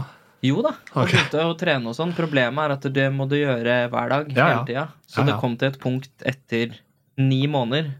Så, oh, ja, du gjorde det så lenge? Så, så blei jeg litt lei. Ok, men det, det er voksent, da, faktisk. Ja. Det skal du ha. Ja. Ni måneder med Så, men, hvis jeg, men hvis jeg hadde fortsatt, hvis jeg hadde liksom trent aktivt nå, så hadde det sikkert blitt helt bra igjen. Ja. Men jeg er ikke der ennå. Nei, det var jo ganske lenge, da. Men det er jo en alvorlig skade, selvfølgelig. Du slipper ikke gratis unna noe sånt noe. Nei, og det, han, det som er greia òg, er jo at uh, nå er det jævlig stor sjanse for at den går ut av ledd igjen. Når den først har vært Selvfølgelig, for da er det litt sånn slarkete, holdt jeg på å si. Mm. Men nå driver du heldigvis ikke med noe som Nei, gjør øker risikoen for at den det skal ryke ut. den jævla sparkesykkelen! Ja, det er sant, da. Det er sant. Det er farlig. Det er potensielt Men kjører du på eh, vinteren og sånn òg? Ja, jeg gjør det. Det er året rundt. Ja. Det er ikke noe frykt. Det er ikke noe frykt. Nei. Eh, Det er bra, det, da. ja. I hvert fall. Men hvorfor har- du ikke kjøpt deg din egen? Det er jo mye dyrere å drive og, betale den. Du kunne bare kjøpt deg en og. Jeg har hatt begge deler, så jeg kjøpte en Ok. egen en liten stund. Problemet da er at da må du ta den med inn, og så må du lade den. Det er så mye styr. Det er jævlig deilig å bare kunne hvor som helst plukke opp og sette fra seg hvor som helst. Ja. Selvfølgelig inntil veggen og ikke ut i veien for Ja, ja. svaksynte og sånn. Eh, den ideen liker jeg veldig, og så har de jo sånn gode abonnementsløsninger. Ja, ja, ja, stemmer det, så jeg kjører ikke kollektivt lenger. ikke sant? Nei, Det nei. Dritdigg. Ja. Jeg elsker jo ikke å sitte på en T-bane sånn sammen med masse folk og bare halla. På Roy er han fyren ja. som alle de der nei, De skal sitte sammen med Roy. Er det skal Ja, prate. fordi jeg for han er så- meg de, og jeg er så hyggelig, så jeg klarer Ja, ja. ikke å si du, jeg vil ikke snakke med deg. Ikke Nei, sant? Så jeg sitter der ja, bare ja, ja, ok. ja, ja, ok, ja, ja, koselig. Ja, ja. Men sånn eh, elsparkesykkel, jeg syns det er helt konge sjøl. Jeg fikk en sånn bydue etter det. Ja, de er fine, de. Dritbra! Den er helt sjuk. Jeg, jeg har kjørt masse masse på den, og den har jeg ikke liksom tenkt å skru noe på. eller noe som helst. Den er bare, den går som den skal hele, hele veien. da. Og um, altså, det går ikke noe Det går ikke fort, liksom, men det går mye, mye fortere enn uh, å gå, da. Ja. Bare cruise hjem på Ja, ja. kvelden og Så når lenge du ikke kjører som en tulling, så skal det ikke gå gærent. Nei, nei. Det, Hvis det er glatt ute, så kjører du bare litt saktere, da. Mm. Det var fint. Så konklusjonen er Iso Hold deg unna sparkesykkelen. Han gikk jo rundt i, fa i mange mange måneder med sånn der Ja, fattiggreie. For at uh, han kunne jo ikke bare få gift, gips heller. Han gikk jo bare sånn her Ja, ja. i faen meg et halvt år. Uff. Med den der jævla tørkleet på. Det var helt jævlig. Altså fikk jeg så Det var, jævlig, det var til og med vondt for meg. Jeg fikk Ja. så lite informasjon om når jeg skulle begynne å bevege nå, så når jeg var på den siste kontrollen Ja, de, de sier Når når jeg var så på mye den om siste kontrollen på legevakta, så sier Ja. hun dama Ja, da kan du bare ta armen ut i 90 grader for å se. Og jeg bare sånn Tuller du? Jeg, Jeg har ikke hatt armen ut av fatle engang, liksom. Hva mener du? Nei, Og bare Oi, ja, det er litt alvorlig. Og jeg bare Men du skulle jo sagt til meg, da. Så- Jo, men det er et problem, faktisk. Folk opererer knærne sine og sånn, og så tror de at det kneet skal liksom Nå skal det holdes i den stillingen i et år, men det som skjer da, er jo at det beinet kommer jo aldri rettes ut igjen. Nei. Så du er nødt til å begynne, liksom, selv om det gjør vondt, så må du gradvis sånn prøve å bygge deg opp. da. Ja, for det var det de sa på starten. Helt helt på starten Bare sånn, Du må holde den jævlig rolig, for nå kan hoppe ut av ledd med en gang. liksom Ja, Ja, jeg bare, «Mm». Ja. Men jeg fortsatte jo med det i mange måneder. ikke sant? Mhm. Og da, er den, eh, da blir den ødelagt. Ja. Ja. Men vi håper at den går seg til etter hvert. Hvem er, den, hva er den verste nær døden? Hva er det noen som har hatt denne sinnssyken her? Mange. Er det det? Ja, ja. Den verste, da? Mange. Eh, Kenneth Engebretsen er jo ofte høyt der oppe. Okay. Eh, Gangsterrapperen Kenneth Ja, ja. Eh, fordi han har en For det første så er det så Det kommer så mange så tett Ah, ja. av de historiene.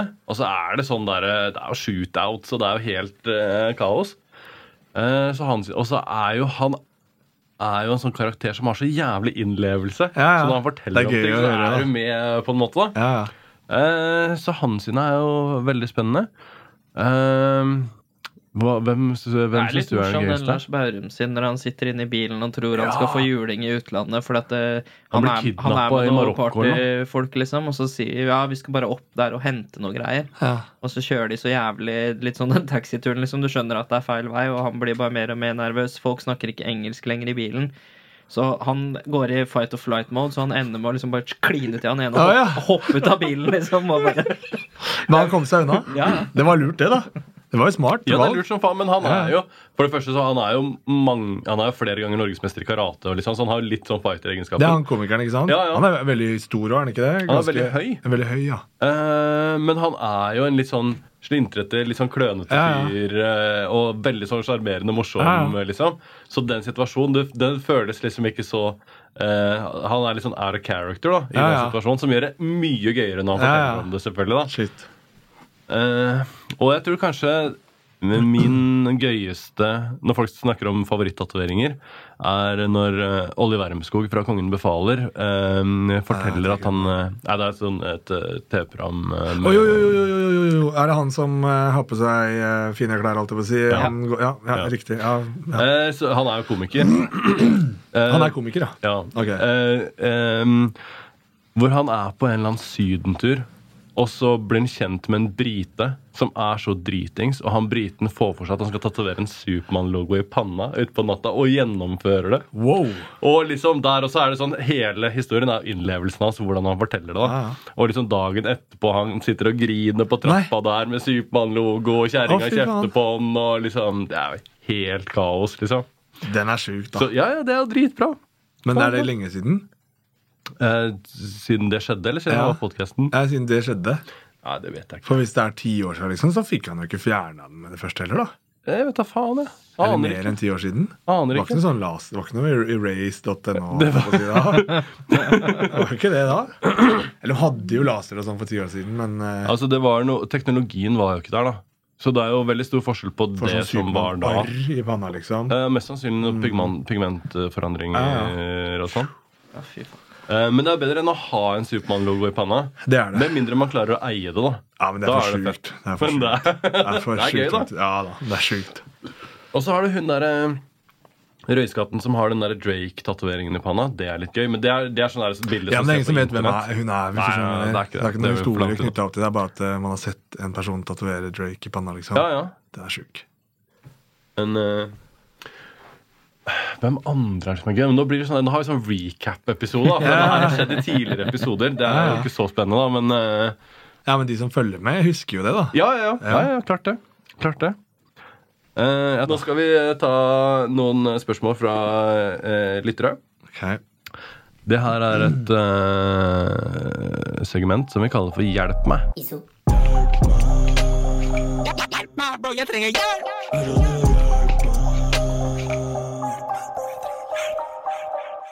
hva er den beste måten å starte dagen på? Lese. Lese? Veldig, ja. Hvis du begynner, og det er en sånn ting som eh, eh, jeg liksom ikke følger religiøs, for noen ganger så må jeg liksom eh, styre med et eller annet. da. Eh, men uh, første jeg står opp, er setter meg i sofaen, og så den boka jeg leser da, den begynner jeg liksom å lese i. Spise frokost og sånne ting. Og så eh, da jeg drar på trening, så kan jeg høre på podkast, eller noe sånt. Men det er ikke før jeg liksom går ut at det er aktuelt. da. Ja, ja. Faen, så smart. Det, det følte jeg at det eh, Kanskje jeg trenger å gjøre det samme. Ja, men du har jo en sånn du har lyst ikke sant, til å gå på Ja, ja. telefonen, kanskje, eller du har lyst til å gå på dataen og lese nyheter, og sånne ting, men da begynner du med en gang å få liksom noe eh, trygt på deg som du Det blir veldig mye på en gang. Ja. Mens den boka, den starter akkurat der du slapp sist.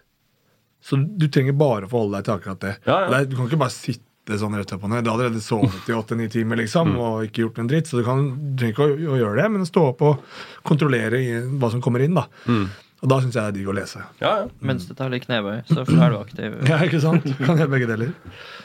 Ok, så hvis jeg skal svare på det samme eh, Så tror jeg den beste Jeg vet jo hva den beste Ja, ja, ok, så uh, Det blir vanskelig å svare på, for jeg har liksom Jeg har liksom levd livet på én måte, og så har jeg slutta å røyke sigg, og så har jeg tjukka meg noe jævlig de Ah, ja. siste to årene. Okay. Så jeg kan svare Det svare tjukkasversjonen, holdt jeg på å si. ja. Eh, så Det er dine ord, da, ikke mine. Jeg syns det er flott. Det. Ikke, ikke, det er ikke bare mine ord. Uh, du kan se Nei, det er ikke det.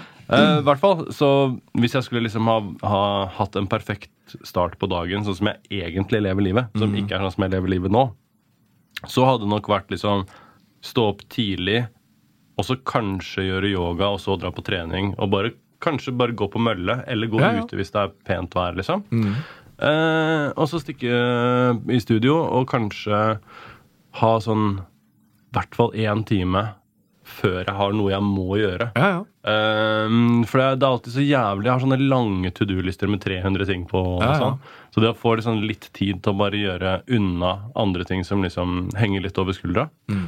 uh, for da føler man at uh, selv om man har 298 andre ting som man må gjøre på den lista, så er det liksom litt ahead. Ja, For ja, at du, har, uh, du har fått ordna opp i litt som ikke du må Absolutt. gjøre. på en måte Det er min eh, start på dagen. Ja. Roy sparkesykkel. Nei, nei jeg, har, jeg har litt lyst til å komme med sånn fjollete Suiteprinsen-svar. Ja, men nei, det. eh, eh, det blir så useriøst. Men jeg drar det heller til eh, Jeg har et veldig godt minne fra eh, de gangene i oppveksten jeg var på besøk hos mormor og morfar. Og da pleide jeg å liksom alltid vært en syvsover. Alltid liksom elska å sove lenge. Ja. Og liksom, hvis jeg kan det. Og et veldig godt minne da var å våkne til baconlukt. At du liksom våkner, og så kjenner du Å, nå er det stekt bacon og nybakt brød. Og liksom bare den, Det er kanskje den beste eh, som jeg kan komme på nå. Men det krever at noen andre er med i bildet Ja, her, da. ja, ja. For du kan ikke stå opp selv og lage det selv, for det er ikke samme gleden da? Nei, så jeg baserer min eh, egen lykke på andre. På noen andre? ok. Ja, men sånn er det Med mat så er det alltid Hvis noen smører en brødskive til deg, Ja, ja. så er den mye bedre enn hvis du har smurt den sjøl. Jo, jo, Det er bare sånn det er. det. Hvis Absolutt. noen andre lager maten, så er det bedre. Altså, Ja, ja. alltid. Nei Eh, Skal vi ta en til av de her uh, Questions fra følgerne. Alt eh, Noe av det er jævlig rart, da. Prøver en rar en, da. Ja, det er sånn Bør det egentlig være så jævla dyrt for strømmen? Ah, ja. Svaret er nei. Det bør egentlig ikke være det. det. ikke det. Jeg har sinnssyk kjærlighetssorg. Hvordan kommer jeg meg videre? Å ja, så det er ikke spørsmål til meg. Det er generelle sånne Ja, for, fordi spalten ja. heter 'Hjelp meg', så det er liksom noe Så vi skal prøve å hjelpe noen med, med et problem her? Ja. Okay. Oh, ja, men jeg svarte Jeg bare fortsatte med det du gjorde. Så egentlig svarte vi bare på det forrige spørsmålet feil òg. Ja. Vi må jo hjelpe det mennesket. Ja, ja, ja, for nå hjelper vi bare oss. øh, Vi hjelper ikke noen. Vi må, vi må begynne å hjelpe Ok, noen Så det rette svaret på det forrige spørsmålet er jo selvfølgelig eh, Start dagen din med en sunn frokost. Prøv å unngå uh, Input. input. Og så Meditasjon. Uh, noe, Gjerne det, en form sant? for trening som du liker. Mm, da er det good. Det var svaret. Ja. Hva var spørsmålet jeg sa nå? Nå var Komme seg over det Ja, kjærlighetssorg. kjærlighetssorg, ja. Her, folk sier at den podkasten er litt rotete noen ganger. Jeg har aldri, jeg ikke merket det. Jeg, jeg, jeg tenker at man må Første steg av all problematikk er å anerkjenne problemet. Okay. Ja. Det tenker jeg er liksom første steg. Du må Jeg tror ikke det er problem å anerkjenne at man har kjærlighetssorg hvis man har kjærlighetssorg. da Nei, men godta det. da Bare sånn, ok, nå, det, det er jeg nå. Ja. Og, og da liksom skjønne at det er en ting. Og, men da ikke dyrke sorgen. Liksom, Ikke Ja. gå inn og bare mate det dyret, liksom. Men bare sånn, ok, hvilke ting, hvilke eh, prosesser er det jeg kan gjøre nå Ja. som gir meg glede istedenfor å på en måte konstant ha den regnskyen over hodet, da. Jeg, jeg er enig i det du sier, og jeg er liksom tilbøyelig til å si eh, ta deg sammen, liksom. Men hvis du skal Altså sånn Alle tåler ting forskjellig, og du du, du, måte, du kan ikke få svaret sånn Ja, nei, nå hører jeg at du har det grusomt, og det du må gjøre nå, er bare ta deg litt sammen og, og bare anerkjenne det som foregår nå. Fordi greia er at du klarer ikke å se forbi det er det verste. Det er jo derfor folk tar selvmord og sånn. ikke sant? Når sånne ting eh. Fordi at de, de kan ikke se for seg at det er en framtid. Dette her det er det verste som noensinne har skjedd dem. da. Og de som kanskje ikke har opplevd ting som er vanskelig, har eh, Nå sier jeg ikke det i forhold til deg, da. Man, har kanskje en tendens til å tenke at ja, det er alltid en pragmatisk og enkel løsning på det her. Men hvis du ikke har vært i en sånn situasjon hvor det ikke er mulig for deg å se noe annet enn det totale mørket som er, så er ikke den tanken her noe som helst hjelp. Du får ikke en dritt ut av at noen sier ja, la oss bare ta det her steg for steg. Så det finnes nok en bedre måte å, å gjøre det på enn å dyrke sorgen, men det er en sånn periode. Jeg tror heller det å akseptere at det er vondt, det går an. Men så vil det ta tid, da. Så må man bare prøve å se hvor lenge man klarer å, å, å holde ut, liksom. Og, så, og vite at en eller annen gang så, så vil det gi seg, liksom. Man prøver å leve livet sitt vanlig ved siden av, men når det er skikkelig skikkelig mørkt, så er det vanskelig, altså. Mitt svar er veldig enkelt. Når ting går til helvete, da er det bare å komme seg på jobb. Det du må gjøre, det er å ta hver eneste dag og bare gjøre så mange smarte og positive valg som du kan hele dagen. Og det er liksom alt eh, Kontrollere de tingene du kan kontrollere. Mm. Det er stort sett hva du spiser. Eh, eh, hva du putter inn av ting, informasjon. Kanskje det er på tide å ikke liksom sitte og sjekke VG og hva som skjer som er ræva rundt der. Eh, hva du ser på. Hva du Bare gjør alle de liksom Alle vet jo egentlig hva som er bra for deg. Så når ting går til helvete, da må man begynne å jobbe. Men fins det noe gjøre- som er så ille at eh, det er tilgivelig å ikke bare gå på jobb dagen etter, liksom? At det går an å si at eh, det her er oh, ja, jeg så mener ikke faktisk uoverkommelig, jobben liksom. din. Nei, nei, men, men Eh, altså, jeg at man ikke, liksom, at man ikke starter med med det vanlige. Da, at man liksom, det her er, det her er så vanskelig, liksom. Finnes det noe som er så vanskelig at man ikke at man ikke liksom klarer, eller at ikke det er mulig på en måte da, å bare 100% Det er bare for at eh, det det er bare min erfaring etter mange ganger med at ting har gått til helvete. Ja, ja. Så til slutt så er du der at eh, Og jeg sier ikke at det er enkelt på noe som helst måte. Jeg bare vet at eh, jeg kjenner meg sjøl. Sånn at når ting går til helvete, så OK, da er vi her. Pluss at det er jævlig mye trygghet i å vite at eh, etter eh, Hvis du vet at eh, når du kommer til et punkt, så kommer ting til å være bedre. Da vet du også at eh, ok, i dag er det et helvete, og i morgen er det et helvete, og så i overmorgen så er det litt bedre, og så er det et helvete igjen. Og så eh, når det har gått to måneder, så er det der, og tre måneder, så er det der. Og så, så eh, når du har all den informasjonen på forhånd, så er jo den andre gangen livet ditt går til helvete, så er det mye enklere. Ja. Og den femte gangen så er det ok, da er vi her igjen. Ja. Da drar vi på jobb i morgen, og så Ja, ja. finner vi ut av det her, liksom.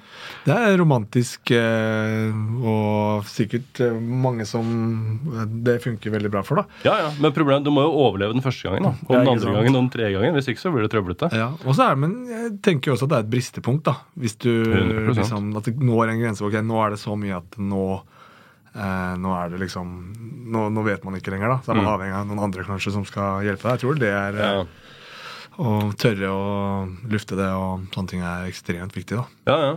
Og det har vi snakka om mange ganger her. òg. Eh, det er noe med at eh, eh, når det er sånn Snakk med en venn. Ditten datten. Jeg er ikke så Så fan av snakk med en venn heller. Eh, det er veldig bra hvis man har en god venn, så snakk med en venn. Men det er veldig mange som har som jobb eh, å ta den praten. Ja, ja, ja. Og de er veldig mye flinkere enn en venn eh, ofte. Så Men det koster penger, da. Det, Det og listene er lange hvis det, ikke liksom er eh, akutt. da Mm.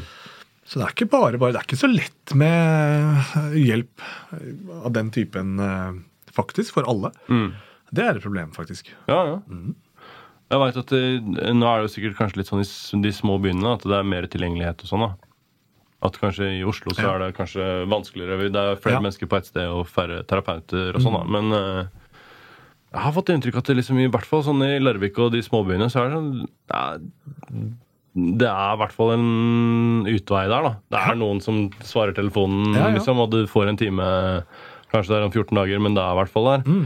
Uh, men så er det selvfølgelig Hvis du er helt i dritten, og du tar den telefonen, og noen sier Ja, men det er ikke noe problem, det er 16 er- måneder ja, ja. ventetid. Ja, det er ikke noe vits i å sette opp den timen engang. så Nei, det er bare nei. å drite i, liksom. Ikke sant. Eller hvis du trenger en dag og, eller to eller en uke for den saks skyld, og hvor du bare OK, nå jeg må bare holde senga, eller hva enn, da. Det er ja. litt mørkt, liksom. Gjør, ja. gjør det, og så bare ser du på isopoden uh, hele Ja, uka i strekk, så får du litt avkopling. eh. Ikke sant? Ikke gjør det. Da kommer du til å bli, du til å bli helt utslitt av å være med på det kaoset her en hel uke. Eh, vi runder av på den høyderen der. Tusen takk for at du ville være med på Norges beste podkast. I hvert fall Norges mest rotete. Eh, takk for alt. Later.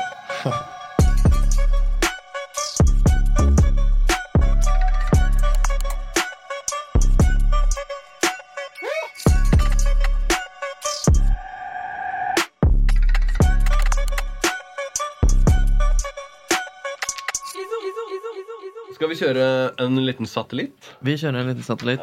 Hva er det her for noe? Det er eh, Vi har fått en gjest til å lage spørsmål til deg. Oh, ja. Incoming satellite greeting. Tror du du klarer å ta meg? Og hvorfor tror du det? Det er spørsmålet mitt. Lykke til med karrieren. Lykke til med karrieren. Tror du du klarer å ta han? Ja, Hva tenker du på? da? Om, jeg, om, om hvem som Jeg hadde vunnet? tror av han er ganske meg? overbevist om at han hadde banka deg. Ja, det er jo mange som, eh, som tenker det, sikkert. Eh, som driver med idrett og som driver med spesielt kampsport. Mange som har urealistiske eh, forventninger og oppfatninger over egne evner. Spesielt avhengig av hvordan eh, nivået man har konkurrert mot. Ja, ja. Og gjerne hvis man ikke har konkurrert, spesielt det er gjerne de som eh, har eh, høyest forventninger til egen prestasjon. da. Og så er det typisk også for menn selvfølgelig å tenke at man er mye råere enn det man er. Og det er lett å um, Det er lett å føle seg god da, når man trener litt og kanskje begynner å få det litt til, men det er vanskelig å Som min erfaring gjennom så mange år, jeg har trent med så mange folk som er i verdensklasse over hele verden, da, i så mange år, og da lærer man seg å vite hvor sitt eget nivå er. Og så har jeg også muligheten da, og hatt muligheten da, til å konkurrere både som amatør og som proff på høyt nivå. Og da vet man liksom hvor lista ligger, da. Så jeg tenker jo at i det landet her, i noe som har med MMA å gjøre, så er det ekstremt få som eh, hadde gått å slå meg. Og da er det liksom Martin Hamlet og, og Jack Hermansson. Vi er liksom, føler jeg, de tre som eh, det, blir, eh, det blir vanskelig å komme forbi, da. ja, ja. Så det er Og Emil, da, men ja, selvfølgelig Emil. Emil. Selvfølgelig Emil. Um, men vi er, vi er større, da. Eh, så man, hvis man tar med størrelse i betraktning også, så er det lett tungvekt og uh, mellomvekt i jakt. da. Så da kan du velge en eller annen stor og tung person, eller hvem du syns er den tøffeste du kjenner, og så kan du gjøre regnestykket og se om den personen hadde klart å komme seg forbi. da. ja, ja.